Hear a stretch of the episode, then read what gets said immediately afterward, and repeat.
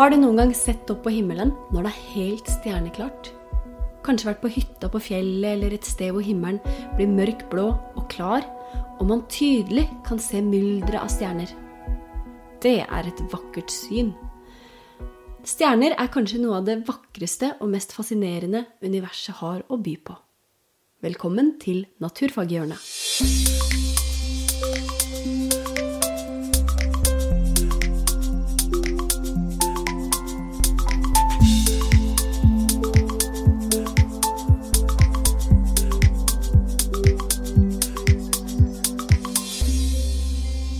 Forrige episode forklarte jeg kort hvordan de første stjernene ble til. I begynnelsen var hydrogengass det eneste materialet som fantes, og derfor var stjerner de aller første byggverkene. Men de første stjernene ble enormt store, og forbrenningen som skjedde inni stjernen, altså fusjonen som jeg forklarte i forrige episode, skjedde raskt og intenst.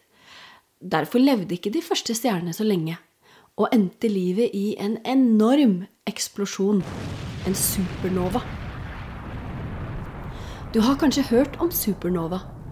En sånn eksplosjon inneholder mer energi enn det sola vår produserer i hele livet sitt. Så det er ikke til å spøke med. Men visste du det at like før og under en slik eksplosjon så blir det danna flere og tyngre grunnstoff? Sånne store stjerner har så mye energi at de kan fusjonere flere atomer til tyngre grunnstoff som f.eks.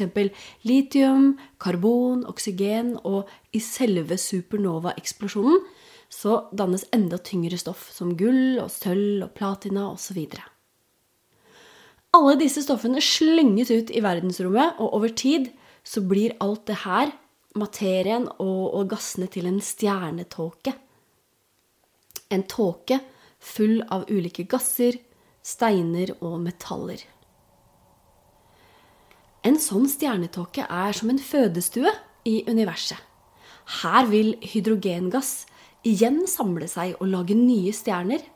Og når en ny stjerne er født, så vil tyngdekraften i den stjerna trekke til seg deler av tåka som er rundt, og materien som er i tåka, vil gå i bane rundt stjernen. Stjernen vil i starten ligge midt inne i et sånt roterende tåkefelt. Men det er akkurat her at planeter og asteroider og måner blir til. I den tåka så ligger det mye materiale. Og over millioner av år så vil tyngdekraften gjøre en stor jobb her. Det starter med at mindre steiner og is og metallbiter osv. krasjer mer eller mindre tilfeldig inni hverandre. Og klumper seg sammen. Når en sånn her klump når en viss størrelse, så vil den ha så sterk gravitasjon at den begynner å trekke til seg flere biter av materie. Og når klumpen når rundt 600 km i diameter, så former den en ganske så perfekt kule. Det at planeter og måner osv. er kuleforma, er rett og slett et resultat av tyngdekraften. Gravitasjonen trekker til seg like mye materie i alle retninger. Dette her er altså starten på et solsystem som danner seg rundt den nyfødte stjernen. I begynnelsen så er det kanskje hundrevis av sånne store klumper som er på vei til å bli planeter. Men de krasjer inni hverandre, og noen blir ødelagte, noen smelter sammen, eh, og noen greier ikke å trekke til seg nok masse til å nå en slik størrelse. Det er de største som på en måte overlever denne kampen, og som ender opp med å bli planeter. Og i vårt solsystem eksempel, så blei det åtte planeter. Fire er steinplaneter, og fire er gassplaneter. I løpet av denne tiden vil som sagt flere objekter krasje inn i hverandre. Og i mange tilfeller fører det til skapelsen av en måne.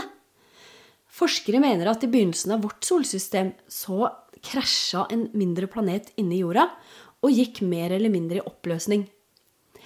I tillegg ble mye av jordas materie knust, og en del av disse bitene endte opp med å gå i bane rundt jorda, og etter hvert samle seg og til slutt danne vår velkjente måne.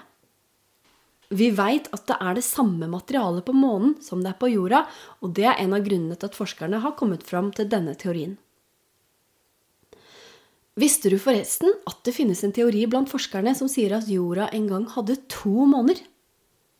Er ikke det kult? Det skal jeg fortelle om i en seinere episode. Så nå har vi kommet så langt at stjerna er blitt skapt, og planeter og måner har blitt dannet i bane rundt den. En del av materialet i tåka blir løse biter som svever i bane rundt stjerna, som f.eks. asteroidebeltet vi har i vårt eget solsystem. Det er et belte mellom Mars og Jupiter med massevis av store og små steiner som går i bane rundt sola. Nå nærmer vi oss enden på denne episoden, men før jeg avslutter, så må jeg jo fortelle om hvordan en stjerne dør. Det er jo nemlig også ganske fascinerende. Ehm, vi kan dele stjernene våre inn i tre kategorier etter størrelse, for det er nemlig litt forskjellige måter de dør på, ut ifra hvor store de er. Og de minste eh, stjernene, eller altså de små og mellomstore stjernene, sånn som vår sol, ender livet på den minst dramatiske måten av de tre typene her. Når alt hydrogenet i en stjerne har fusjonert, så dør den. Da har den rett og slett ikke mer bensin til å produsere energi. Og i en stjerne som sola vår, så vil tyngdekraften skape et så høyt trykk når stjerna dør at temperaturen øker, og stjernen begynner å fusjonere heliumatomer til karbon i kjernen. Og når temperaturen øker, så utvider gass seg, og hele sola vil vokse og vokse til den er så stor at den når helt ut til Jupiter. Dette blir det som kalles for en rød kjempe. Deretter vil gassene i de ytterste lagene sakte gå i oppløsning, og det som er igjen av sola, er et ganske lite, hvitt legeme kalt for en hvit dverg. Den er rett og slett restene igjen etter stjernen og vil sakte bli kaldere og mindre lyssterk. Den er på størrelse med jorda, men har mye, mye større massetetthet. Hadde du laga en iPhone av en eh, hvit dverg, så ville den veid 25 tonn. Så har vi stjerner som er større enn sola. Det vi kaller for massive stjerner. Eh, Beetlejuice er en slik type stjerne. Det er nemlig en stjerne som fins i stjernebildet Orion, og som vi kan se eh, på himmelen. Beetlejuice er faktisk nær ved å dø. Den har snart brukt opp brennstoffet sitt, altså hydrogenet sitt. Når en så stor stjerne dør, så skjer det som jeg sa litt om i starten på denne episoden her. Vi får en supernova. Flere grunnstoff blir laget, og det ender i en kjempestor eksplosjon. Restene etter en slik stjerne er ikke en hvit dverg, men en nøytronstjerne. En nøytronstjerne består hovedsakelig av nøytroner. Og det er fordi at til og med atomene kollapsa eh, i, en, i eksplosjonen pga. det høye trykket.